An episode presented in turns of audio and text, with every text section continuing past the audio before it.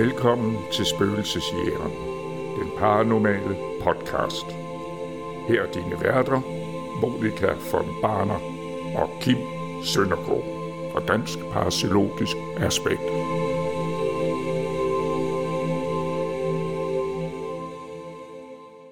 så kan vi endnu en gang sige velkommen til vores pladser i disse hellige haller. Ej, det er måske lidt overdrevet, men øh, vi er her i hvert fald igen. Vi er tilbage. ja, hej Monika. Hej Kim. Og øh, hej til lytterne. Og øhm, nu er jeg jo meget spændt, fordi du har lovet os noget. Jeg kan slet ikke øh, huske, hvad du mener. Du har lovet, at vi skulle høre noget helt vildt i dag. Ja, ja, det er rigtigt. Jeg har faktisk tænkt meget på det, siden vi, vi talte om det, da vi optog sidste afsnit. Mm, så du er nødt til at komme med en, øh, med en lille historie. Ja, ja, og til dem af lytterne, som måske ikke lige kan huske, hvad det drejer sig om, så kan jeg jo sige, at det var jo den her optagelse, SB7-optagelse på Andvorskov Klosteruin, mm-hmm. som øh, jeg ved godt, det lyder fuldstændig vanvittigt, men som i realiteten faktisk kunne ændre Danmarks historien. Ja, og det er jeg jo meget spændt på at høre Ja, det kan jeg godt om. forstå. Det kan jeg godt forstå. Og Men det er jeg sikker på, at lytterne også er. Så øh, jeg synes Det bare, jeg. du skal øh, break den. Ja, men ved du hvad, så skal jeg lige fortælle lidt baggrunds først. Det bliver ja, jeg nødt til. ja. Altså, Antvorskov Klosterruin, den ligger ved Slagelse. Og det er, som navnet jo antyder, en ruin. Mm-hmm. Men sjovt nok er det faktisk ikke af et kloster. Det hedder Antvorskov Klosterruin, men altså, og her bliver det lidt svært, fordi jeg har set lidt forskellige udlægninger, alt efter hvor man ser dem henne. Så lige præcis, hvad der passer 100%, det er svært at vide. Men øh, det blev opført i hvert fald i 1170. Og det blev opført af Johanniterordenen. Mm-hmm. Og Johanniterne, de var faktisk korsridere. Ja, Mange kender sikkert fra film og så videre, de her øh, tempelridderne, dem der var hvide med røde kors. De har været med i mange film og tv-serier og så videre. Men de var jo også en korsridderorden, og der var flere. Og der var blandt andet Johanniterne, som også blev kaldt hospitalitterne. De startede med sorte kofter med hvide kors, og fik så senere af paven lov til at have røde kofter med hvide kors, og så beholdt de de sorte kapper. Meget flotte dragter. Men øh, det er en anden ting. Øh, øh, slottet der, øh, fordi det er faktisk et, det bliver faktisk kaldt et slot eller en gård, fordi Johanniterorden var ikke brødre, men faktisk øh, krigermunke, kan man sige krigermunke. Ja, altså det var, det var en, en, en, øh, en korsriderorden, som, som jo deltog i slag, som havde ridder, der deltog i slag. Øh, de blev også kaldt hospitalitterne, fordi de tog så meget af deres, øh, ikke kun af deres, de tog så meget af de sårede på, på slagmarken, også fjenderne. Og derfor blev de kaldt hospitalitterne. Og en anden sjov ting med johanniserne er, at det er den eneste middelalderlige korsridderorden, som har eksisteret lige siden ubrudt. Så de er her stadigvæk. De findes stadigvæk. dag. Blandt andet så driver de ambulancekørsel i Tyskland. Der kan man se mange af dem, der står noget med, jeg kan ikke lige huske, hvad der står, men der står noget med Johanniter et eller andet. Øh, Det er dem, der står for, det, for, for, for, for ambulancerne i Tyskland. Mange af dem i hvert fald. Ikke sikkert, det er alle jo. Ej, hvor sjovt. Ja, det, det er nemlig en, en, en spændende ting. Øh, De blev også kaldt Malteserridere, fordi de overtog øh, tempelriddernes øh, øh, borg nede på Malta. På Malta? Ja, der havde tempelridderne deres hovedkvarter. Og det overtog johanniterne på et tidspunkt. Og så blev de så kaldt for malteser. Og der kan man jo så også sige, det kan også være opregnelsen til malteserkorset jo. Men øh, for nu at komme tilbage til historien, så er det jo sådan, at nu er jeg jo en, en, interesseret i det her middelalder også. Mm-hmm. Og øh, vi kender jo nok alle sammen historien om Dannebro, der faldt ned fra himlen i 1219 ved, ved slaget over ved, ved Estland derovre. Og øhm, det var jo sådan, at Dannebro skulle være kommet til Danmark, og dermed være da- verdens ældste nationalflag. Det er det jo, fordi det opstod jo der, ikke? Mm-hmm. Men se, så har jeg jo tænkt, fordi jeg har jo læst en del forskellige steder øh, om blandt andet johanniterne, og øhm, det viser sig jo faktisk, at i middelalderen var det ikke usædvanligt ved slag, at man kastede sin fane frem for at opildne soldaterne til at kæmpe sig frem til den, så ikke fjenderne fik fat i den. Mm-hmm. Og øhm, en johanniterfan er stort set identisk med Dannebro, bortset fra den hvide, lodrette bjælke på et dannebrugsflag, den er lidt tættere på øh, spydstangen, eller flagstangen. På en Johanniterfan, der er den i midten. Ellers er de identiske. Og det er sådan, at i slaget over ved, øh, ved slaget i 1219 i hvert fald, hvor Dannebro skulle falde ned fra himlen, der deltog Johanniseriddere. Mm-hmm. Så vidt jeg ved fra Tyskland, men det er nu lige meget. Det er jo samme fan, de bruger. Og se, så har jeg jo mange gange, øh, eller mange gange i årenes løb tænkt over, jamen kunne det i virkeligheden være en Johanniter-fan, der er blevet kastet, og nogen måske ikke kender den skik og ser den falde ned, og så siger, det var Dannebro, der faldt ned fra himlen. Det synes jeg jo virker meget oplagt. Det kunne være en fornuftig, naturlig forklaring på, hvorfor Dannebro lige pludselig faldt fra himlen. Ja, det kunne du faktisk godt have ret i. Ja. Mm-hmm. Og øh, så er det jo sådan, at et tidligere medlem af DPA, Jakob og jeg, vi besluttede at køre til Antvorskov Klosterruin og lave lidt øh, EVP og så videre. Det var en eftermiddag, solskin, mm. midt på dagen. Mm. Og øh, blandt andet så stod jeg jo med vores SB7, og til de af lytterne, der ikke lige kan huske, hvad en SB7 er, det er jo den her, der scanner radiofrekvenserne meget, meget, meget hurtigt. Den er et kvart sekund på hver frekvens. Mm. Og dermed danner den hvid støj, fordi man mener, det kan hjælpe dem til at, at komme igennem med, med, med talte beskeder, ikke? den ja. anden side. Og altså den, vi nogle gange har afspillet, hvor der er EVP'er i, men meget støj i baggrunden, lidt... Ja, lige præcis, lige præcis. Og øh, den stod jeg med. Øh, der er et sted på Antvorskov Klosterruin, hvor du ligesom kan gå ind i et rum. Mm. Og der stod jeg inde med den her SB7'er i over en halv time. Og der skete ingenting. Indtil jeg stillede et ganske bestemt spørgsmål, så kom der faktisk et svar. Og øh, vi kan jo lige prøve at høre det nu. Var det en Johanniter-fane, der faldt ned på himlen?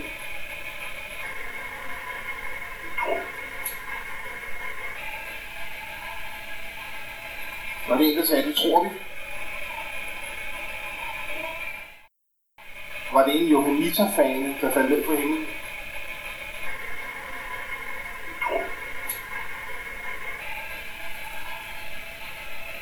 Var det ikke sagde, det tror vi? Var det en Johanniter-fane, der faldt ned på himlen?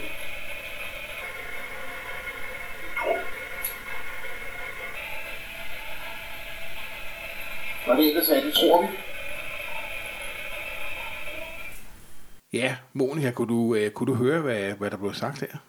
Ja, det kunne jeg faktisk godt. Øhm, de svarer jo på dit spørgsmål, kan man sige. Det gør de nemlig, ja. Og så må man jo stille sig selv det spørgsmål, skal man tro på det eller ej? Jamen altså, det er jo, det er jo, øh, altså, det er jo, det er jo en, en, en, det er vildt at stå med sådan en SB7-optagelse, synes jeg. Ja, især når man som dig har den interesse, du har, ikke? Lige præcis, lige præcis. Og nu kan man jo sige, altså jeg skal lige sige, at hvis man kunne, man kunne høre det på scanningerne, jeg har kørt svaret lidt ned i tempo. Det mm. kommer tit hurtigt på en SB7. Mm. Øh, så jeg har kørt lidt ned i tempo for at lave lidt tydeligt, ikke også? Men øhm, altså man kan jo selvfølgelig sige, at vi får jo ikke noget direkte svar på, om det var en Johanniter-fan. Men der bliver jo sagt, det tror vi. Mm. Og når jeg så siger, var det en, der sagde, det tror vi, så bliver der sagt ja. Og, og, og jeg må indrømme, jeg var ved at tabe kæben mellem Det kan jeg godt forstå. Især hvis jeg har stået der en halv times tid, og der ikke har været noget igennem, ikke? og så stiller ja. du sådan et spørgsmål, og så bliver der bare svaret prompte. Ja. Det er jo... Øh... Det er jo, det er jo simpelthen... Øh, øh, og, og, og, altså, der har været... Du ved, hvordan det er, hvis man står med en SP7, og der kan komme lidt, lidt altså et, et, et splitsekund kan der lige komme en eller anden lyd fra en radiokanal, men det er jo ikke ord, man opfanger. Nej. Øhm, og, og det havde der ikke engang været. Altså, der havde vidderligt ikke været noget som helst igennem, før det her det kom. Og mm. øh, man kan jo også høre, der bliver sagt, det tror vi. Og, og det vil jo sige, det er jo over en hel del frekvenser, der bliver scannet imens, fordi den er kun et kvart sekund på hver frekvens. Ja. Så, så det, er, det er på ingen måde radio. Det er et intelligent svar, og når jeg så siger, var det en, der sagde, det tror vi, så kommer der endnu et intelligent svar. Ikke? Mm. Så øh, jo, altså, øh, man må jo sige, altså, vi tror jo på, at der er noget på den anden side. Det gør vi. Ja, og vi tror jo også på, at det her, det er nogen, der ligesom kommer igennem fra den side. Det gør vi også, ja. Ja, og så kan vi jo også blive enige om, at kendte personer vel også kan komme igennem fra den anden side, hvis de vil det. Det skulle man mene. Der er faktisk øh, øh, personer rundt omkring i verden, som, som laver det samme som os øh, med paranormale undersøgelser, og nogle af dem, de gør sig rigtig meget i at forsøge at få kontakt til kendte mennesker, faktisk, ved jeg. Jamen, det er rigtigt, ja. Og øh, fordi den tanke, jeg også har fået nu, og, og det, er jo, det er jo fuldstændig forrygt at tænke på, men med, med, med de ting øh, i en, en, en mente, ikke også, så kunne det her jo i teorien være Valdemar den Store. Ja, det kunne være lidt vildt at tænke på, ikke? Ja, altså det lyder sådan som en, en, en myndig, dannet herrestemme, synes jeg. Ikke? Mm. Det lyder som en, der har pondus på en eller anden måde sådan, ikke? Mm. Og så tænker jeg på, at det kunne da måske godt passe med en konge. jeg, vil, jeg vil ikke sidde her og sige, at det er Valdemar den Store. Nej, men nej, nej, nej, men det er da en sjov tanke. Være, det, det er da en ja. sjov tanke, men altså jeg tænker, at vi skal da bare afsted derop igen, og så øh, ja. give den fuld skrue. Ja, det er rigtigt. Det, det... Frem med diktafonerne, og så ja. øh, stille nogle mere øh, direkte og konkrete spørgsmål som det her, ikke? Og så, ja. og så se, hvad der kommer. Jeg må se, om jeg kan få fat i Vildeslev inden fra øh, Nationalmuseet. Det må være en EVP eller en SB7-opsag, han gerne vil høre. ja, det må vi prøve. Så, ja, Men ja. Øh, spændende, spændende. Der fik vi lige ændret Danmarks historien. Ja, det kunne da godt tænkes i hvert fald. Der er en mulighed for det.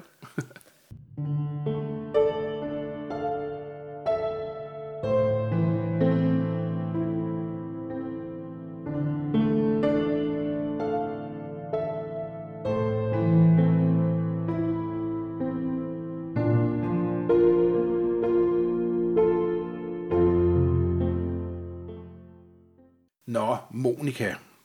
Det er mig. Ja. Mm. Og der er en ting, som du har talt om i et tidligere afsnit. Det er rigtigt, ja. Det var noget med, at du skulle begynde på noget uddannelse. Mm. Og øh, ja, mm. og nu ved jeg jo selvfølgelig, at du er i gang med det, men der er garanteret mange, der gerne vil høre lidt mere om det. Så kan du ikke fortælle lidt om det? Øh, jo, det kan jeg godt. Øh, jeg mener, var det ikke øh, det allerførste afsnit, jeg var med i, hvor jeg ligesom fortalte om mig selv og, og, og de oplevelser, jeg havde haft? Sådan. Jo, det tror jeg, du var ret i, det var det øhm, afsnit, ja. Der fortalte jeg jo lidt om, at jeg altid har ønsket mig at tage den her uddannelse, og egentlig også havde, øh, havde været til sådan en masse optagelsesamtaler hen ad vejen. Øhm, og efterfølgende, så gik det lige pludselig stærkt, fordi så øh, gik jeg egentlig hjem og gjorde alvor af sagen, og øh, fandt mig et øh, helt fantastisk sted, hvor jeg kunne tage den her uddannelse. Det handler om at finde øh, den rigtige lærermester, som man går godt i spænd sammen med, øh, og har den rigtige følelse omkring. Og det synes jeg, jeg har fundet. Øh, så jeg startede simpelthen op her i, øh, ja, i sommer, eller før sommeren faktisk, på øh, klaverjanceuddannelsen, og er øh, rigtig godt i gang. Jeg er færdig med uddannelsen allerede til april. Ja, det går alligevel stærkt. det, går meget stærkt. Det er hårdt, vil jeg sige. Det er nogle lange weekender, når vi er afsted, og det tager på en øh, hele følelsesregisteret for en tur. Øhm. Ja, det er klart, det, det, det, det dræner jo. Ja. Og, på flere måder, ikke? Og det er sådan enormt overraskende og, og smukt og følelsesmæssigt, øh, ja, en hel rejse. Ja, og jeg ved jo også, at det, at du har jo allerede haft flere muligheder for at prøve det på personer, som du ikke kender. Det er rigtigt, ja. Jeg er allerede i gang med, øh, med prøvepersoner. Øhm, både øh, under uddannelsen, og så øh, altså når vi er inde på uddannelsen, og så øh, har jeg også prøvepersoner hjemme i privaten. Dem har jeg haft en, en del af faktisk allerede. Øh, det er... Øh, det er lidt grænseoverskridende i starten, men, men fantastisk. Det er enormt øh, rørende at mærke alle de her mennesker, fordi man mærker dem virkelig helt ind i krop og sjæl. Øhm, og det er sådan en hel øh, rejse, man tager sammen med dem, når man, når man laver sådan en sitting. Ja, det kan jeg godt forestille mig. Det, og så hvis nu du skulle være ærlig, det, det er ikke sikkert, at du selv vil sige det, men så har du jo haft rigtig, rigtig, rigtig stor succes. Der er jo rigtig mange, der har sagt til dig, at du har bare ramt plet. Det er rigtigt, ja. Der har været rigtig god feedback på de sittings, jeg har haft, øh, og det er jeg jo naturligvis glad for. Men noget, jeg også er rigtig glad for, og det er noget, der betyder rigtig meget for mig i forbindelse med alt det her, og også med mit arbejde hos DPA, det er, at øh, jeg samtidig har fundet ud af, at jeg er åbenbart rigtig god til det der med afdød kontakt. Ja, det er jo i hvert fald noget, der kan bruges i forbindelse med DPA også jo. Jo, men det er jo også samtidig, øh, det er jo ikke noget, alle kan. Når du bliver klaverjant, er det ikke naturligt, at du bare automatisk også har afdød kontakt. Så, som man siger egentlig lidt, at, at man både er klaverjant og medium, når man kan begge dele. Øh, men, men selve afdøde kontakten er bare så fascinerende på en eller anden måde, at man får billeder af mennesker, du aldrig har mødt før, inde i dit hoved, og så kan beskrive de her mennesker, og så sidder der nogle pårørende og, og, og tager imod, og kan genkende de her signalementer, du laver, og de bliver jo selvfølgelig også enormt rørte af, at, at deres øh, afdøde slægtning er, er til stede, ikke? Så, Ja. øh, så den var rundt af det. Ja, det er, det er fantastisk. Ja, og så må man jo sige, at, øh, at det er jo også, et eller andet sted er det jo også, øh, åh, kan man sige, et stort ansvar. Ja, det kan man jo godt sige. Altså, men, men du kommer jo virkelig, virkelig ind på noget af det absolut mest intime af, om folk, ikke også? Altså, Det gør jeg. Deres afdøde ægtefæller og børn og forældre og så videre, ikke? Altså, du må, man er virkelig inde, hvor, hvor det går ondt, ikke? Det er man. Det er man. Så en, en kæmpe rutsjebanetur, vil jeg sige. Hele det her uddannelsesforløb. Og jeg glæder mig så meget til, at jeg skal ud virkelig og sådan arbejde med det, især også i DPA-regi.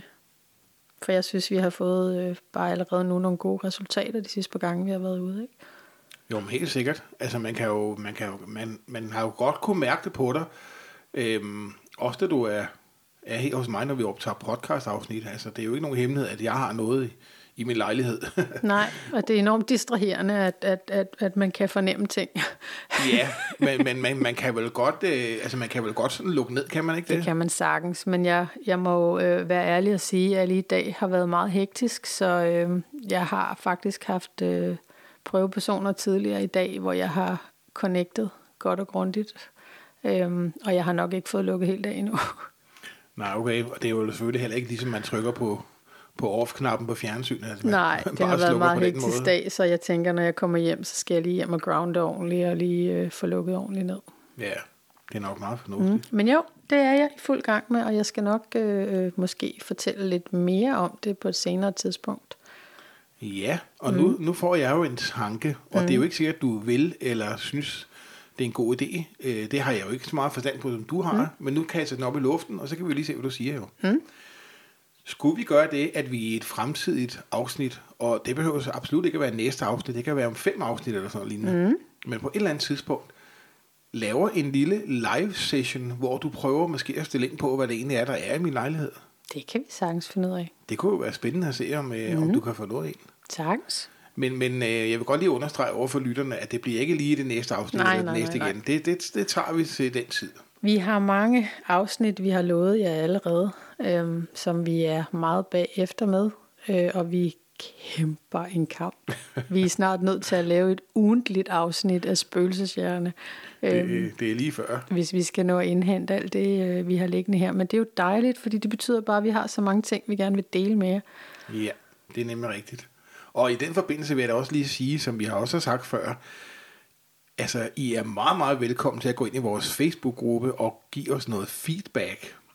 Øhm, hvad kan I især godt lide i programmerne? Hvad, hvad er måske ikke så interessant? Hvad synes I er det bedste? Mm. Og også stille spørgsmål, fordi så tager vi bare en, et afsnit, og, hvor vi svarer på nogle af de spørgsmål, der kommer osv. Så, videre. så øhm, hold jer ikke tilbage. Nej, og det kan jo være hvilket som helst spørgsmål. Der er ikke nogen dumme spørgsmål. Det kan også være spørgsmål til tidligere undersøgelser, vi har været på. Er man nysgerrig omkring nogle ting, eller noget historie, eller andet, eller nysgerrig omkring nogle af de folk, der er med i DPA, jamen alt, øh, alt er interessant, og der er ikke nogen dumme spørgsmål. Så bare skynd jer at skrive. Simpelthen. Så længe det drejer sig om det paranormale, så mm. tager vi imod alle spørgsmål. Mm. Sådan er det. Bageopskrifter, det, det kan jeg ikke hjælpe så meget med. Det er jeg ikke så god til. Nej, det kan jeg slet ikke. Nej. så det, det springer vi over. Mm. Yes.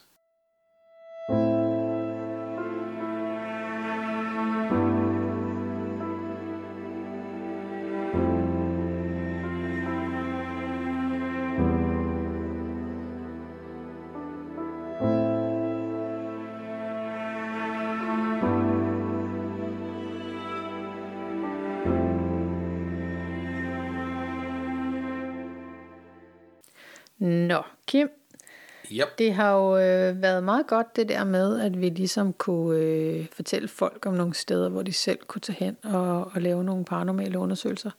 Så jeg tænker på, om vi ikke lige skulle smide et sted mere ud, som folk de kunne tage hen. Det kan vi godt. Jeg kan faktisk, øh, jeg kan faktisk smide to steder mere ud Ja, i samme kategori. Mm. Og lige inden jeg begynder på det, så vil jeg da lige sige, hvis der sidder nogen derude, som, som øh, har besøgt nogle af de steder, vi har talt om, så må I jo meget gerne gå ind på vores Facebook-gruppe og fortælle om øh, turen. Måske vi dele nogle billeder og fortælle, om vi oplevede noget. Det kunne ja. være spændende at høre. Ja, om. den ene af grupperne er faktisk åben, så man faktisk godt kan lave opslag inde i gruppen selv. Ja, ja, nemlig. Mm. Så, så det ville være fint. Øhm, nej, men øhm, jeg tænkte faktisk på, at jeg har sådan en lille mani med at prøve at finde frem til galgebakker. Ja, Og det lyder måske lidt morbidt, men ja øh, det gør det faktisk. igen, altså min interesse for middelalder og for det her, Og afhugget hoveder. Jamen, jeg kan ikke så meget for de afhuggede hoveder, men altså, jeg tænker, at sådan nogle steder der, der er der jo nogle vanvittige energier. Det er der jo ikke noget at sige til. Altså bare hele den der procedure, folk har skulle gennemgå, når de skulle gå den her slaviske gang hen for at få den her henrettelse. Det må jo være noget fuldstændig vildt, der er kørt rundt inde i dem, ikke? Jo, så skal man jo huske på, at øhm, nu må jeg lytte en undskyld, hvis det bliver lidt, lidt blodigt, ikke? Men øh, hvis man så bare gik hen til sin henrettelse, men sådan mm. var det jo mange gange ikke. Nej. Fordi så, man kunne jo for eksempel starte med, hvis man var taget for tyveri, jamen så kunne man lige få hugget en hånd af. Mm. Og så for ikke man skulle sidde og forbløde, det ville være for nemt, så fik man lige stukket armstumpen i glående bag. Og så kunne man lige sidde og vente en halv times tid på at få hugget hovedet af bagefter. Så det er jo, øh, altså det er jo fuldstændig ubeskriveligt, hvad der er sket de steder, ikke? Og selvom det hedder galgebakker, så er der jo rigtig mange gange andet end bare i gåsøjne hænge folk. Mm. Lige præcis. For det er jo netop de her halshugninger og sådan noget. Og øhm, den der øh, lille øh, øh, interesse, jeg har for de steder, det er jo de steder, som er verificeret. Altså, der er jo mange steder, man kalder det kalder en galjebakke. Og, øh, og, og, og nogle af stederne er der, har der måske aldrig været en galjebakke. Mm. Men, øh, men der er jo altså også nogle steder, hvor det er verificeret. Og øh, jeg har i hvert fald været på to af stederne her omkring Næstved, og har faktisk fået nogle ret gode optagelser. Øh, den ene, der har jeg fået en SB7-optagelse, en enkelt en kun. Ja, ligesom den vi anden- hørte før. Ja, mm. og den anden, der har jeg fået et par EVP'er. Og den kan vi jo starte med. Det hedder Uledige Uledige. Galjebakke. Mm-hmm. Og øhm, det sjove ved den er, at det er svært at pinpointe lige nøjagtigt, hvor galjebakken er. For når du kommer ud til stedet i dag, så er der skov. Og øh, det er ligesom sådan en, en, en lang bakke, der bølger lidt, hvis du forstår, hvad jeg mener. Mm. Så der, er- det er svært at sige, her er toppen af bakken, her stod huggeblokken. Det er svært at sige nu. Men det er i hvert fald området sådan lige inden for nogle få meter. Ikke? Og øhm, der var jeg nede med en, øh, en bekendt for et par år siden, og, øhm, og vi gik og lavede noget EVP-optagelser og så videre.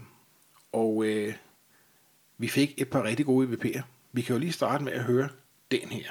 Yes. Nå. Nå. Nå. Kan du høre, hvad der blev sagt her? Det er mor. Ja. Mor. Og øh, man kan høre, at øh, personen, jeg var dernede sammen med, begynder at bevæge sig. Mm. Ligesom øh, hvis hun begynder at gå væk. Øh, og så er der en ung pige, altså som jeg opfatter det måske en 12-14 år, som sådan lidt spørgende kommer. Mor? Mm. Og det er jo egentlig en lidt hjerteskærende EVP, kan man sige. Ja. Hvis hun øh, går rundt dernede og stadig kan lede efter sin mor, så måske blev halshugget jo. Ja, det er rigtigt. Det Men, øh, er... Øh, ja. Det har ikke været sjovt ting, der foregik. Nej, det er, det, er jo, det er jo den triste del af det, af det, det vi laver. Ja. ja, ja, fordi at, øhm, man får jo altså hånden ned i, i historiens gryde en gang imellem, og, øhm, og brænder jo også nogle gange nallerne lidt. Ikke? Mm. Ja, Øhm, det gør er, det. det, det, det, det er tankevækkende på den hårde måde mange gange. Ja. Det er det. Men, Men fik du havde en til. Vi fik en til derude, ja. Ja. ja. Og øhm, ja, den er, den er sgu lidt underlig. Nu kan I prøve at høre den her.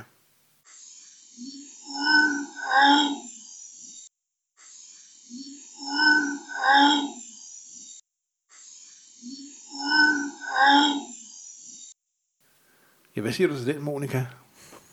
Jamen, det er jo en kvinde. Ja. Men nu, hun lyder ikke som om, hun er helt normal, måske. Nej, det, det, det var en lidt besynderlig øh, måde at snakke på, faktisk. ja, det var det.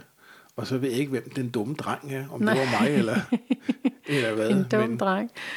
men altså, det er jo, det er jo, det er jo ret, ret specielt ikke? At, at, at få sådan et par EVP'er her midt ude i en skov, mm. hvor man ved, der har været henrettelsesplads for mange Ja. år siden. Ikke? Ja, det er rigtigt. Øhm, et andet sted, som jeg også gerne lige vil omtale, det er et sted, som ligger øh, lidt syd for Næstved, mm. og som hedder Stejlebanken. Jeg sad en aften herhjemme og kedede mig, Ja, og så tænkte jeg, nu kører jeg en tur ud til Stejlebanken, og så tager jeg min diktafon og min SB7 med. ja, fordi det er den mest naturlige ting, man gør, når man sidder og keder sig. Så tager man på spøgelsesjagt. Ja, ud i skumringen og sidde på toppen af en bakke, hvor masser af folk har fået hugget hovederne af, Ja, ja. og hvor de blev sat på hjul og stejle bagefter. Sådan helt alene ud i ingenting. Ja, ja, ja, ja. Det er underholdende. Mm. Men jeg sad derude en halv times tid med SB7'en, uden at få noget igennem. Og øh, begyndte at tænke, nå, ja, det var en nitte, så må jeg hellere køre hjem igen. Mm. Og øh, jeg begyndte at gå ned ad bakken, og øh, der er sådan ligesom sådan en, øh, hvad hedder det, hvad skal man kalde det, en, en, en låge, du ved, sådan en sluse, så ikke kvædet kan løbe ud. Der går nogle køer på området. ja, sådan en trælåge-ting. Ja, sådan Ja, en, man ligesom ja. går igennem, sådan lige en Ja. sluse eller sådan noget, ikke? Yes. Og så da jeg nåede til den der, og det er, det er lige for foden af bakken, så tænkte jeg, nu så jeg så lige et par spørgsmål mere. Og øh, så spurgte jeg blandt andet, om der er nogen, der vil fortælle, hvad de var blevet henrettet for. Mm. Og øh, så kunne jeg godt høre, der kom noget igennem. Meget hurtigt ord. Jeg kunne ikke rigtig høre, hvad det var. Det var det første og eneste ord, jeg fik under hele den der SB7-session på over en halv time. Men øh, jeg har den jo, så nu kan vi prøve at høre den. Yes, det vil vi gerne. Jeg kan lige sige, at den optagelse, jeg har her, der har jeg kørt svaret lidt ned i hastighed, så man bedre kan høre det. Ja, Fordi igen, mange gange, så kommer det hurtigt på SB7'eren. det gør det nemlig. Så øh, vi tager den lige nogle gange. Er nogen af jer, der vil fortælle, hvad I blev henrettet for?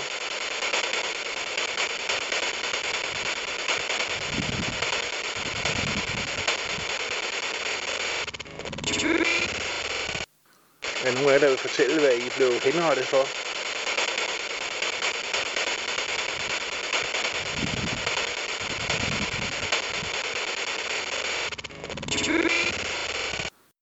Jer, der vil fortælle, hvad I blev henrettet for?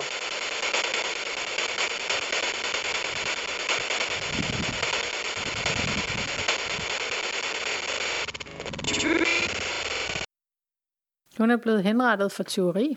Ja, Mm. den synes jeg simpelthen ikke, der er ret meget tvivl om. Nej, det er der heller ikke. Og øh, historien slutter faktisk ikke engang her. Fordi, da jeg hørte en kvinde, der sagde, at hun blev henrettet for tyveri, så begyndte jeg at interessere mig for at researche lidt mere omkring Stejlebanken. Ja, og spændende, se, hvad jeg spændende. kunne finde ud af. Ikke? Og det var svært at finde noget. Jeg fandt lidt, og jeg fandt faktisk ud af, at man i 1926 har lavet en udgravning. Og på toppen af bakken, der fandt man fundamentet til huggeblokken, og man fandt faktisk også øhm, nogle dele af de pæle, som folks hoveder blev sat på øhm, efter halshugningen. Ikke? Okay. Øh, det fandt man i jorden af resten af pælene. Øh, de blev sat på øh, hjul og stejle, og øh, det vil sige, at efter henrettelsen, der delte man simpelthen deres krop i fire, og lagde op på de her hjul, og så fik de lov at ligge der og drøbe af, indtil de faldt ned af sig selv. Og øh, det tjente så til skræk advarsel for folk, som passerede øh, de her steder. Ikke? Og hovedet blev sat på en stage. Så øh, det har været et makabert skue. Altså, det er altså lidt vildt at tænke på, hvordan menneskeheden har været på et tidspunkt, ikke? Det må man sige. Det må man sige, ikke? Og, og, og, og så har jeg det her udstillet på den måde, ikke? Ligesom et signal om, at øhm, husk nu det ordentligt. Jamen altså, det har jo været sådan noget, hvad er det værst tænkelige, vi kan gøre ved andre mennesker, for virkelig at straffe dem? Altså, Jamen lige præcis, ikke? Så øh, jo, det var man god til dengang. hold Men da som op. sagt, øhm, Det vil sige, at ved undersøgelsen i 1926, der blev det verificeret, at det var et sted, hvor folk blev halshugget og sat på julestejle. Okay. Udover det, så fandt man for foden af bakken et skelet, der var kuglet ned. Og det er jo sådan, at hvis man blev henrettet dengang, så kunne man ikke blive begravet i indvidet jord. Man kunne ikke blive begravet på kirkegården. Nå, Og øh, det var bødlen og de såkaldte rakkerknægte, der havde til opgave at skaffe sig af med line, hvis ikke de altså skulle på jul og stejle. Mm. Det var jo noget, man også blev dømt til, så det var ikke alle, der skulle det. Men øh, der fik bødlen og rakkerknægtene så den opgave at skille sig af med line. Og det gjorde de jo som regel ved bare at kugle dem ned nede ved foden af højen. Altså, hvorfor skulle de transportere det langt væk, ikke? Det var bare at grave et hul, og så smide det ned nærmest, ikke? Så der fandt man i 1926 et skelet, som viste sig at være et kvindeskelet. Og her er der så også lidt divergerende oplysninger, fordi nogle steder har jeg set, der står, at det her skelet har fået hugget hænderne af, eller i hvert fald en hånd, og andre steder er det ikke nævnt. Så man kan sige, har det fået hugget en, en eller begge hænder af eller ej, det er svært at afgøre jo. Men i hvert fald så, øh, så fandt man et kvindeskelet, som, som var halshugget, og som ifølge visse kilder havde fået hugget en eller begge hænder af. Noget, man typisk gjorde for tyveri. ja, det skulle jeg lige til at sige. Det må der være noget teori med ind under der. Jamen lige præcis, ikke? Mm. Så øh, man kan sige, at, øh, at, at den her SB7-optagelse jo faktisk blev verificeret øh, ved min research efterfølgende. Og øh, desværre så skete der så det, at da man fandt det her kvindeskelet, så nåede man ikke at få det, altså arkeologerne nåede ikke at få det løftet op af jorden. Og da de vendte tilbage dagen efter, så var der uvist af hvilken grund nogen, som havde rullet store sten ned i hullet, så skelettet var fuldstændig knust. Så man fik det ikke op og gemt. Jeg vil tro, man har begravet det på en kirkegård et sted. Okay. Sikkert.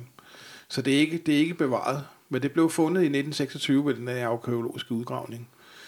Øhm, og som sagt, jo egentlig noget, der verificerer den SB7-optagelse, kan man sige. Ikke? Spændende. Så øh, to steder, to galjebakker. Stejlebanken, ja, syd for Ja. Næstved, mm. og Uledige Galjebakke, øh, ved Uledige selvfølgelig. Fantastisk. Øhm, og jeg kan da også lige hurtigt smide ind, en, som jeg ikke besøgt endnu, men som jeg skal til på et tidspunkt, eller vi skal til. Noget, der hedder Kanehøj, som ligger ved Slagelse. Det er også verificeret som et henrettelsessted, og det er faktisk det sted, hvor H.C. Andersen i sin bog Mit livs rejse beskriver en halshugning, han overværede. Det var på Kanehøj i Slagelse. Nå, jamen det er jo endnu mere spændende så. Ja, ja. Så det, der skal vi også ud og kigge. Og øh, det er som sagt også et sted, hvor alle andre kan tage ud og kigge. Så øh, mm. god fornøjelse. Og hvis I gør det, del endelig nogle billeder ind i Facebook-grupperne. Meget gerne. Og øh, lad os vide, om I oplever noget spændende. Ja, lydfiler, et eller andet. Yes. Og god fornøjelse med det. ja.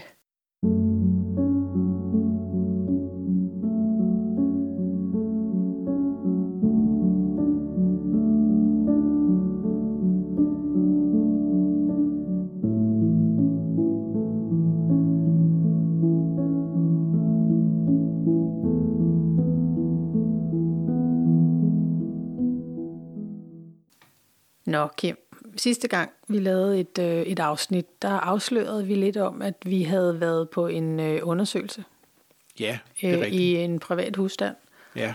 Og vi øh, fortalte også, at vi havde snakket med øh, pigerne fra Vingefang, Ja. øh, podcasten Vingefang, fordi det faktisk var øh, deres hus, eller den ene af pigernes hus, vi var ude og lave paranormal undersøgelse i. Lige præcis, ja. Ja. Næste gang, så øh, bliver vores podcast øh, lavet sammen med pigerne. Og denne her gang, der synes jeg, vi skal fortælle vores lyttere en lille smule omkring, hvordan den her undersøgelse forløb. Jamen, den er jeg med på, og vi kan godt lave sådan en lille, en lille cliffhanger mm. til næste afsnit, fordi at, øh, det var noget af en spændende undersøgelse. Det var det. Vi kom jo øh, til den her lille bitte by i, øh, jamen det er vel i, øh, i Roskilde Kommune, kan man godt sige. Ja, det ligger. Øh, et lille hyggeligt hus ude på landet, øh, hvor at øh, beboerne, som var øh, en af pigernes far, boede i det her hus og oplevede rigtig mange øh, uforklarlige ting. ja. Og han trives ikke derude. Nej, han blev rent faktisk indlagt Ja. aftenen inden vi kom. Så, Ja. øh, men er heldigvis hjemme igen i, Ja. i god Ja. stand. Præcis, heldigvis. Øhm, man har forsøgt at lave husrensning på det her hus nogle gange, uden held. Øhm, og øh, de har jo egentlig kontaktet os, fordi at øh, de ville se, om de kunne dokumentere noget af det, der var i huset. Ja, og det kan man jo roligt sige, det lykkedes. det, var, det, var, øh, det var en overvældende undersøgelse på en eller anden måde. Øhm, og øh, det kommer man også til at høre øh, i, i næste afsnit, når de kommer med i studiet, fordi der får vi lov at få øh, deres øh, syn på, øh, hvordan de synes, den her undersøgelse har forløbet, og hvordan deres oplevelse var i alt det her. Det var deres første gang, de overværede øh, sådan en paranormal undersøgelse, for de fik naturligvis lov til at deltage. Ja, og så er det jo også lidt sjovt, fordi vi så netop vil høre for første gang, hvordan det egentlig føles for klienten, når vi kommer ud på en undersøgelse. Ja, Og det, er det, det bliver også interessant. Det er rigtig interessant, og det kunne også være, at det kunne måske give et lille skub på nogle af vores lyttere derhjemme, som måske selv har en masse paranormale oplevelser i deres hus. Lige præcis, Så ja. de ligesom kan få fornemmelsen af, hvordan er det egentlig, når man som helt privat menneske kontakter DPA, øh, øh, og, og hvad man egentlig får ud af det. ikke? Jo, netop. Og øh, vi kan jo godt lige sådan meget, meget hurtigt sige, at, at det, der sker, når vi ankommer til sådan et sted, øh, det er jo som regel så, alt efter hvor stort stedet er, sådan noget, så ankommer vi måske ved en 20-21 tiden. Mm-hmm. Gennemgår huset, sætter en del udstyr op, overvågning, der står og kører konstant. Ja. Og så bevæger vi os rundt i huset og laver forskellige optagelser og målinger. Og hvor lang tid det fortsætter, det afhænger simpelthen af, om der sker noget eller ej, hvor meget der sker. Ja, det, Øhm. det er sådan en føler, vi har, når vi, Ja. når vi er i gang. Ikke? Det kan være til klokken 2 om natten, 4 om natten, mm. 6 om morgenen. Mm. Så Men øh, nu vi snakker aktiviteter, øh, da vi kommer til det her hus, så øh, begynder Morten og jeg jo at, at, at stille kameraer op rundt omkring, og du er ved at sætte kommandocentralen op. Øh, og samtidig så har vi jo en masse øh, små udstyrsting, vi også går og placerer rundt omkring i huset, blandt andet vores øh, såkaldte rempots, vi har snakket om før, der laver den her lyd, øh, Ja. når, når, når den åndelige eksistens kommer i nærheden af den. Øhm, og på et tidspunkt, inden vi overhovedet har startet vores undersøgelse, er jeg jo i gang med at sætte øh, en remport op på første salen, som skulle være det sted i huset, der var den største aktivitet. Øh, og den har jeg lige sat op i, øh, i døråbningen op på første salen. Der er øh, et soveværelse i den ene ende, og ligesom en stor åben repo på resten af første salen. Øhm, og jeg har kun lige nået at placere den her rempot på gulvet og gå væk fra den. Så siger jeg ganske naturligt, som det er for os, at det, der er til stede, kan, kan benytte vores udstyr til at, at give sig til kende. Og det starter faktisk allerede der. jamen, det er rigtigt. Der var ikke, øh, der var ikke så meget øh, pardon der. Du var bare i gang med Ingen det samme. grund til at gå og vente på det. Nej, vi, var, vi, vi havde ikke engang nået at tilslutte kameraerne eller noget som helst andet, før det startede. Og øh, jeg kalder på Morten her på optagelsen, som I kan høre lige om lidt, fordi at vi har en særskreven regel om, at man går to og to. Minimum. Ja, og det er en af grundene netop, hvis der er aktivitet, så man ligesom er, er to til at bevidne det, kan man sige. Ja, plus at også af sikkerhedsmæssige årsager. Ja, lige Øhm, præcis. Så, øh, så øh, nu synes jeg lige, at lytterne selv skal have lov til at høre, og se om man så lige inden, at den her optagelse den slutter, kan høre noget andet end bare lige rempotten og mig. Ja, vi prøver at afspille den. Hvis du skal få den til at gå, så skal du røre ved den. Så ved vi, at du er.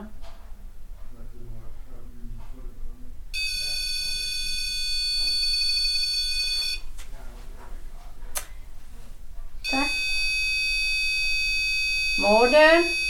kan du ikke lige komme herud og stille dig?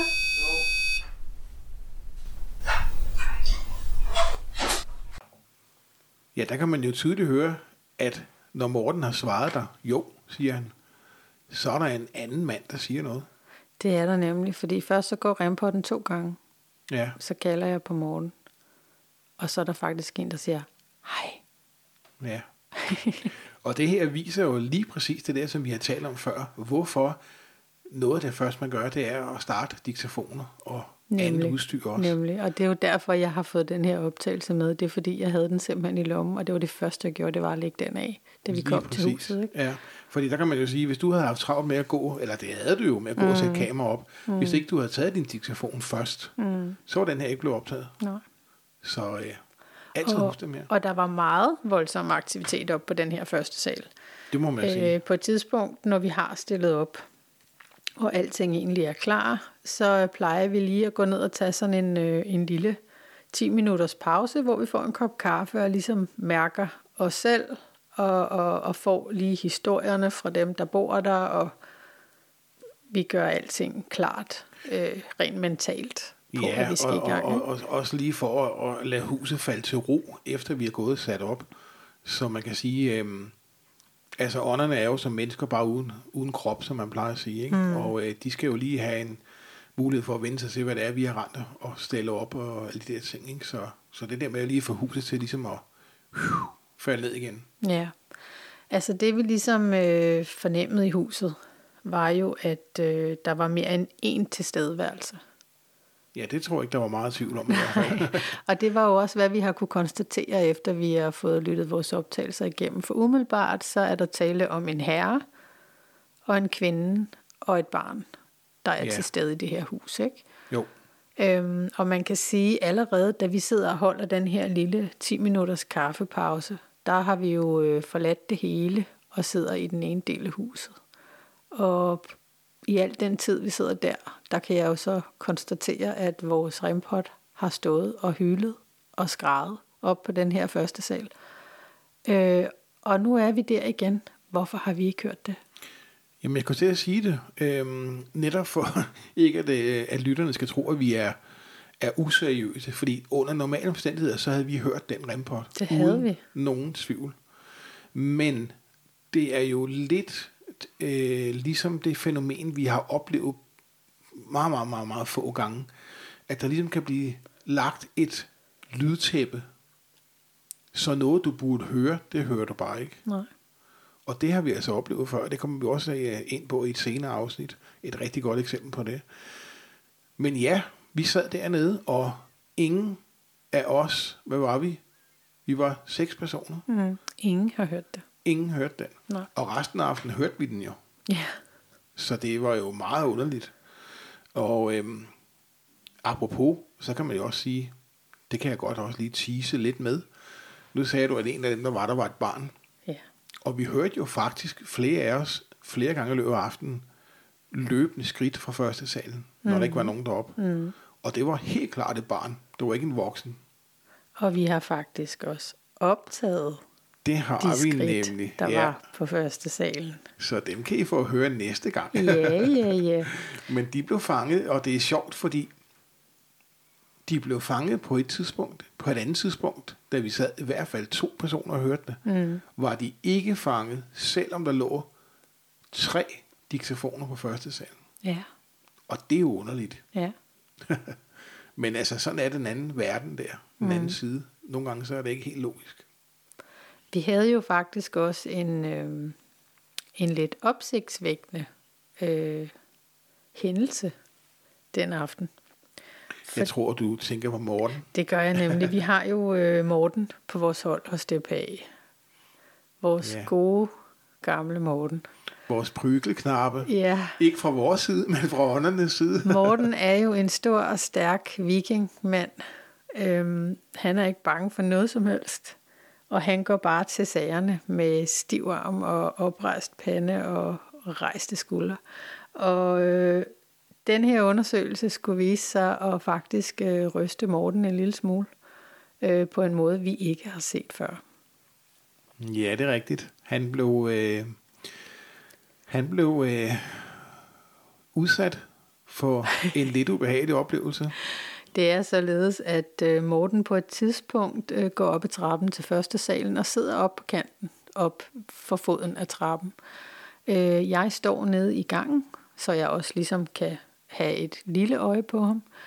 Og øh, lige pludselig, så stormer Morten simpelthen ned ad trapperne til den her første sal, og han, han ligner simpelthen en, der har set et spøgelse. Ja, og lyder sådan også. Ja, og, og, og vi spørger, hvad sker der, Morten, hvad sker der? Og han er mildest talt mundlam.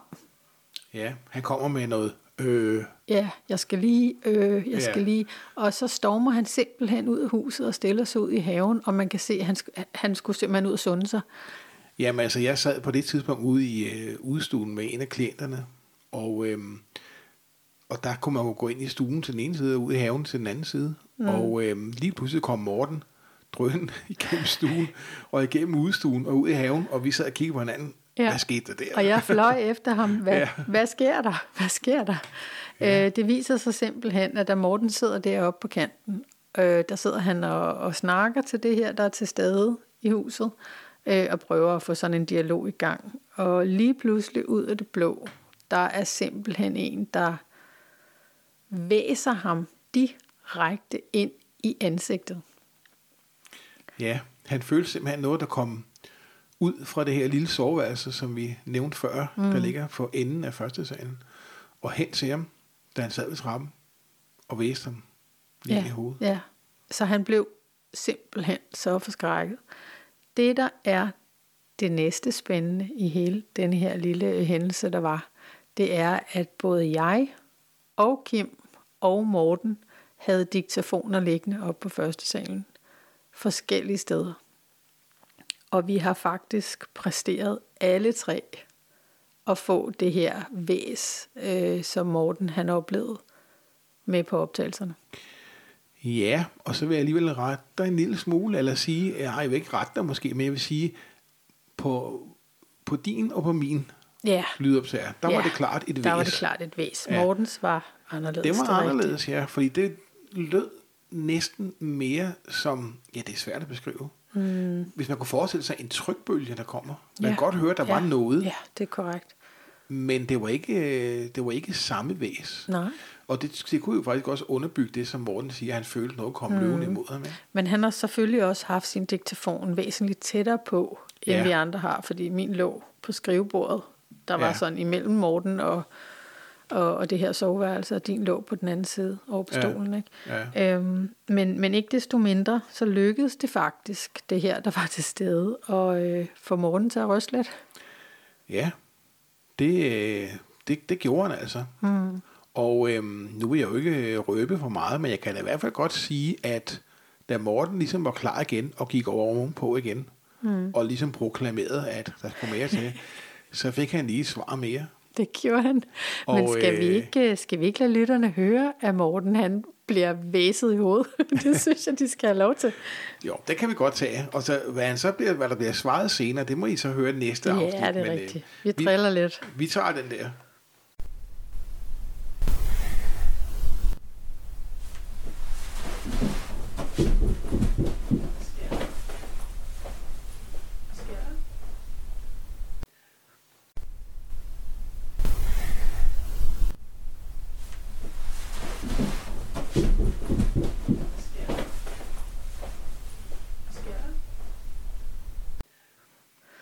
Ja, der kan man jo så tydeligt høre, at Morten han stormer ned ad trapperne. ja, det er jo noget en reaktion. Øhm, og vi kan da lige sige jo, at øh, man skal jo ikke tage, lægge så meget i, at, at, at væset ikke lød så voldsomt her. Nej. Øh, fordi at øhm, Morten kunne godt høre det. Lad os sige det på en måde. Ja, man skal jo huske på, at det væs, der kom, øh, den diktafon, der har optaget det her, den har jo ligget øh, halvanden meter væk. ja, lige præcis, ikke? Så hvis Og, man øh, har sådan et åndedræt, åndepust, et eller andet, øh, man laver ind i hovedet på hinanden, så øh, Ja. Og så, øhm, som vi sagde før, så lyder det jo anderledes øh, optaget på morgens diktafon. Men øh, mm. den, den får I næste gang. ja. Øhm, nu nævnte du jo selv før, at øh, han gik jo derop igen, selvfølgelig. Ja. Han Ja, er jo ja. sej. Morten er sej. øh, og han blev sådan lidt gal, faktisk, kunne jeg godt fornemme. Det irriterede ham lidt, det der. Han var, var blevet lidt, øh, lidt Det, det forskrækket. ramte, ham, ramte ham lidt på stoltheden. Det gjorde det. Så han, han øh, øh, trådte i karakter, og så, så stormede han op igen, og så sagde han, nu tager vi den lige en gang til. Og så fik han faktisk et svar tilbage. det synes jeg altså, at vores lyttere skal have lov at høre. Synes du, de skal have lov at høre det Ja, nu? det synes jeg. Nå, så finder vi den lige her.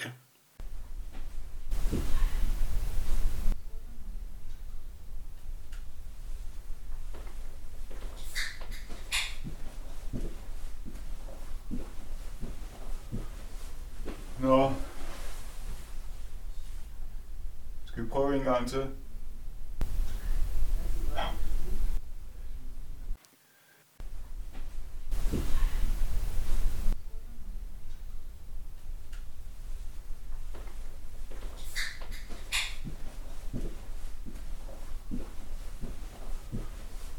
Nå. Skal vi prøve en gang til?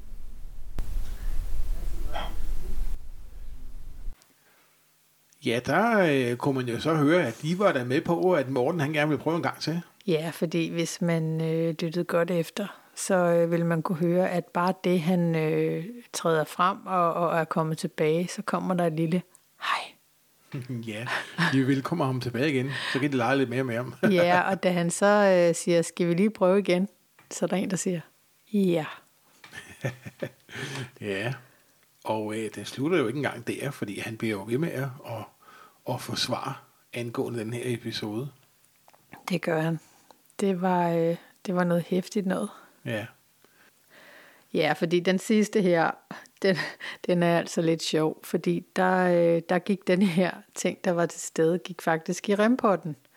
Det vil sige, at den begyndte at svare via rempotten, og øh, på et tidspunkt, der spørger vi så, efter alt det her skete med Morten, øh, om det var denne her sure mand, der havde væst Morten i hovedet, øh, som der var til stede.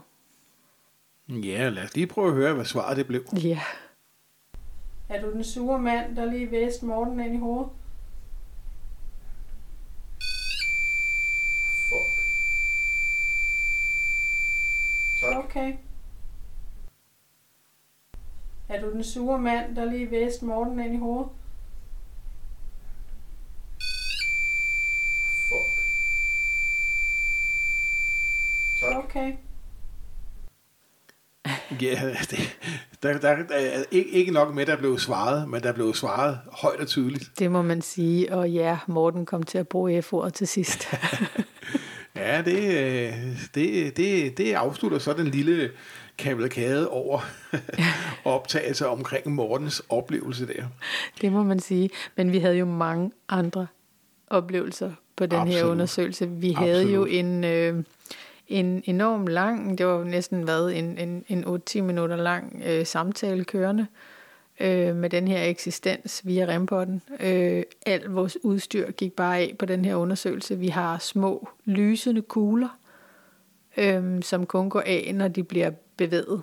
Øh, de gik også af, og det plejer de faktisk næsten aldrig at gøre på vores undersøgelser. Det er jo sjældent, at man har noget, der sådan Altså- berører tingene på den måde. Ikke?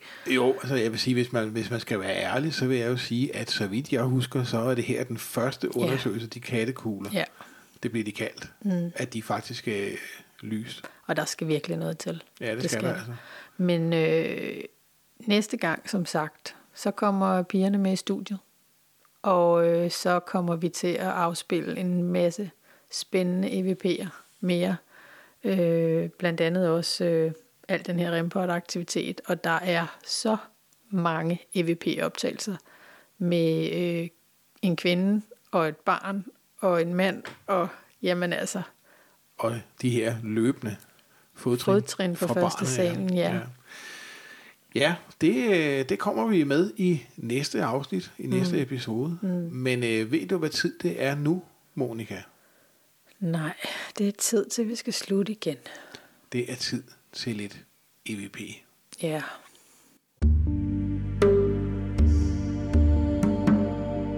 EVP. Stemmer fra de døde.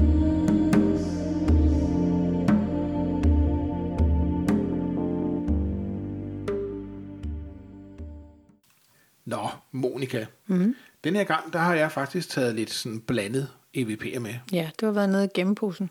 Det har jeg, og fundet nogen, som jeg sådan ikke lige umiddelbart kunne huske. Jeg har jo snart mange liggende. Øh, men nogle gode nogen, synes jeg. Mm. Og øh, hvorfor ikke bare kaste os ud i den første? Jo. Den, øh, den er et klart svar på et spørgsmål, og øh, det kan I jo selv høre her. Yes. Er du fra Viborg? Er du fra Viborg? Er du fra Viborg? Det, det er jo en, der ikke er fra Viborg i hvert fald. Ja, historien melder ikke noget om, hvor personen så er fra, men øh, ja, som du siger, mm. det var ikke, det var ikke. Viborg. Og det var jo så også, skal vi lige nævne, øh, SP7'eren, der kørte. Ja, Ja, det, det var rigtigt. derfor, der var så meget støj på samtidig. det er rigtigt. Og øh, det er det også på den næste. Ja, Den kommer her.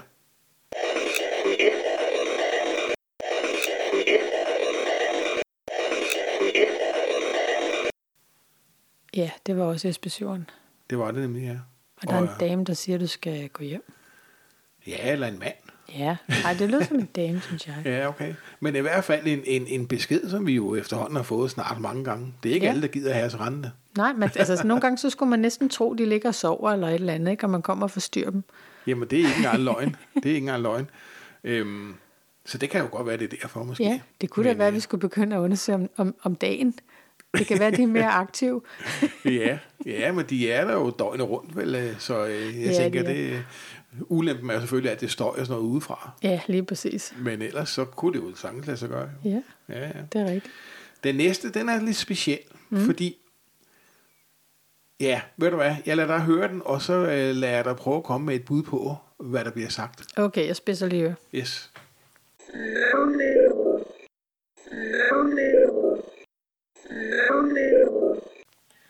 Nå, Monika, den er lidt speciel.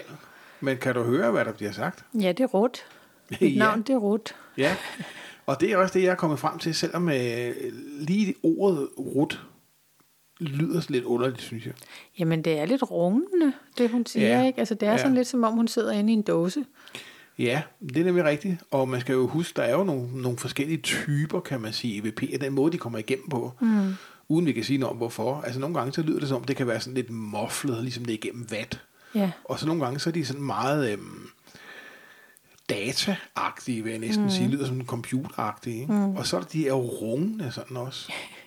øhm, men, Ja. men jeg, jeg, jeg er helt enig med dig. Altså, mit navn, det er Rut. Det er ja. også, hvad jeg hører. og man kan sige, det vigtigste er jo, at der er en, der snakker. Og det er der jo. Lige Klart og nøjagtigt. tydeligt, ikke? Lige nøjagtigt. Det er altid det. Hvad der bliver sagt, det er sådan mange gange lidt, lidt mm. underordnet på en eller Men, anden måde. men at man ved, at kontakten har været der. Lige præcis, der Det bliver er- sagt noget. Ikke? Ja, men lad dem lige høre det en gang mere, så de kan få lov at høre den, nu når de ved, hvad det er, der bliver Ja, sagt. vi kører den lige et par gange mere.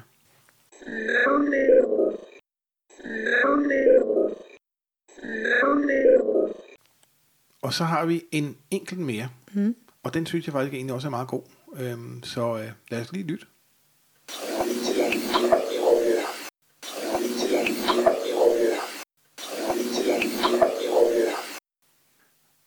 Siger du til den, Monika? Den kan godt være lidt svær at høre. Det er tydeligt, at det er en herre, der Ja. har noget at sige. Ikke? Ja. Øhm, hvad er dit bud? Altså, jeg er stort set sikker på, efter at have hørt den talløse gange i hovedtelefoner, at der bliver sagt, tror min stemme lyder sådan her.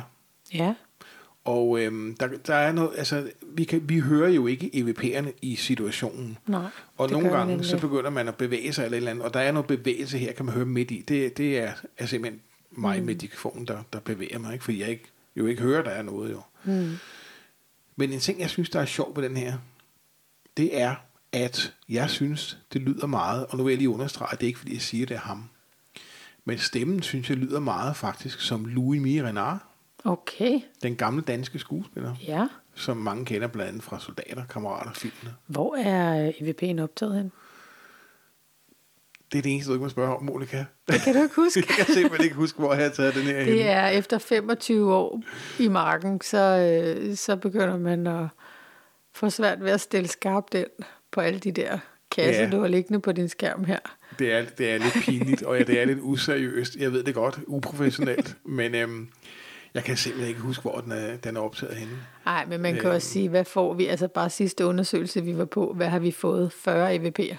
Jamen, det er jo nemlig det, ikke Og hvis vi gør det hver Ja. evig eneste gang, vi Ja. kan jo ikke huske dem alle sammen.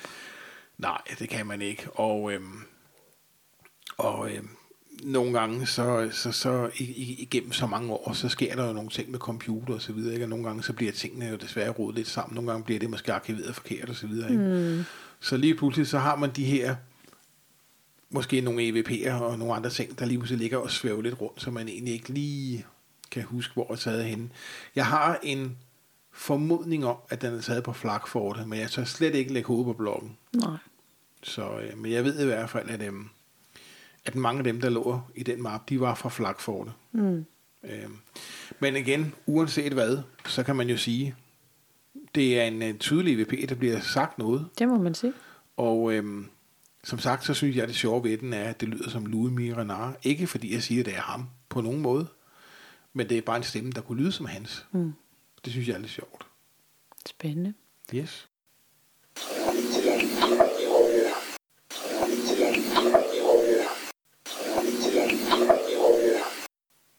Men uh, Kim, vi skal snart til at slutte af. Men, Det bliver men, vi nødt til. Men inden vi slutter af, så skal vi lige huske øh, igen igen, sige til vores lyttere, næste gang gæster i studiet bliver Nemlig. smadret spændende, og der får man lov at få afslutningen på hele den her undersøgelse, vi var på. Ja, vi får Øhm, besøg af Regina og Katja fra Det gør, vi. Vingefang det gør vi nemlig, og vi har en masse spændende nye ting, vi skal fortælle om også samtidig Ja, øh, i, for, i forhold til DPA. Øhm, og så skal vi opfordre til, at man går ind og finder os på Facebook, Spøgelseshjern, den paranormale podcast, og Dansk Parapsykologisk Aspekt. Vi har øh, grupper derinde, hvor vi lægger en masse ting op, også i forbindelse med øh, podcasten. Der kommer øh, som regel lidt billeder og en masse andre ting, når vi har været nogle steder. yep. Øhm, og så hvis man øh, sidder i en situation, hvor man selv har paranormale ting i sin husstand, eller på sit arbejde, eller andet steds, skriv til os, kontakt os, så øh, ringer vi til jer og, og, og hører, hvad det er, øh, I har på hjertet. Øh, lad være med at holde jer tilbage, og har I spørgsmål, som sagt, ingen dumme spørgsmål, bare ud med det. ja. Så skal vi nok svare så godt vi nu kan. Så længe det er paranormalt, så fyrer I bare løs. Ja, og ja. har I nogle spørgsmål, som I kunne tænke jer, vi øh, tog op i vores podcast, altså lige vente en gang og, og, og svarede på, jamen øh, kom med det. Ja. Historier fra jeres, øh, fra jeres liv med paranormale oplevelser, I måske har haft. Der er simpelthen næsten åben for alt, så længe det er med det paranormale at gøre, så er I meget velkommen til at byde Ja, og husk nu, jo mere I sender til os, jo længere bliver vores optagelser. Ikke for at lokke, men Ikke lidt for at alligevel. Men en lille smule, ja. Ja. Så øh, ud af busken, folkens. ja, simpelthen. Så, øh, så klarer vi det sammen. Det gør vi i hvert fald. Og nu skal Ja. ja. vi desværre sige tak igen for den her gang. Ja, tiden går som sædvanligt alt for hurtigt, men øhm, der kommer en ny episode, en ny episode igen om 14 dage. Om 14 dage, ja. Ja. Så øhm, tak for den her gang, Monika. Det var hyggeligt som sædvanligt. Det var det i hvert fald, og til vores lytter, have det rigtig dejligt, indtil vi lyttes ved igen. Dette program er sponsoreret af Sound of Denmark. Danmarks største digitale ambience lydarkiv.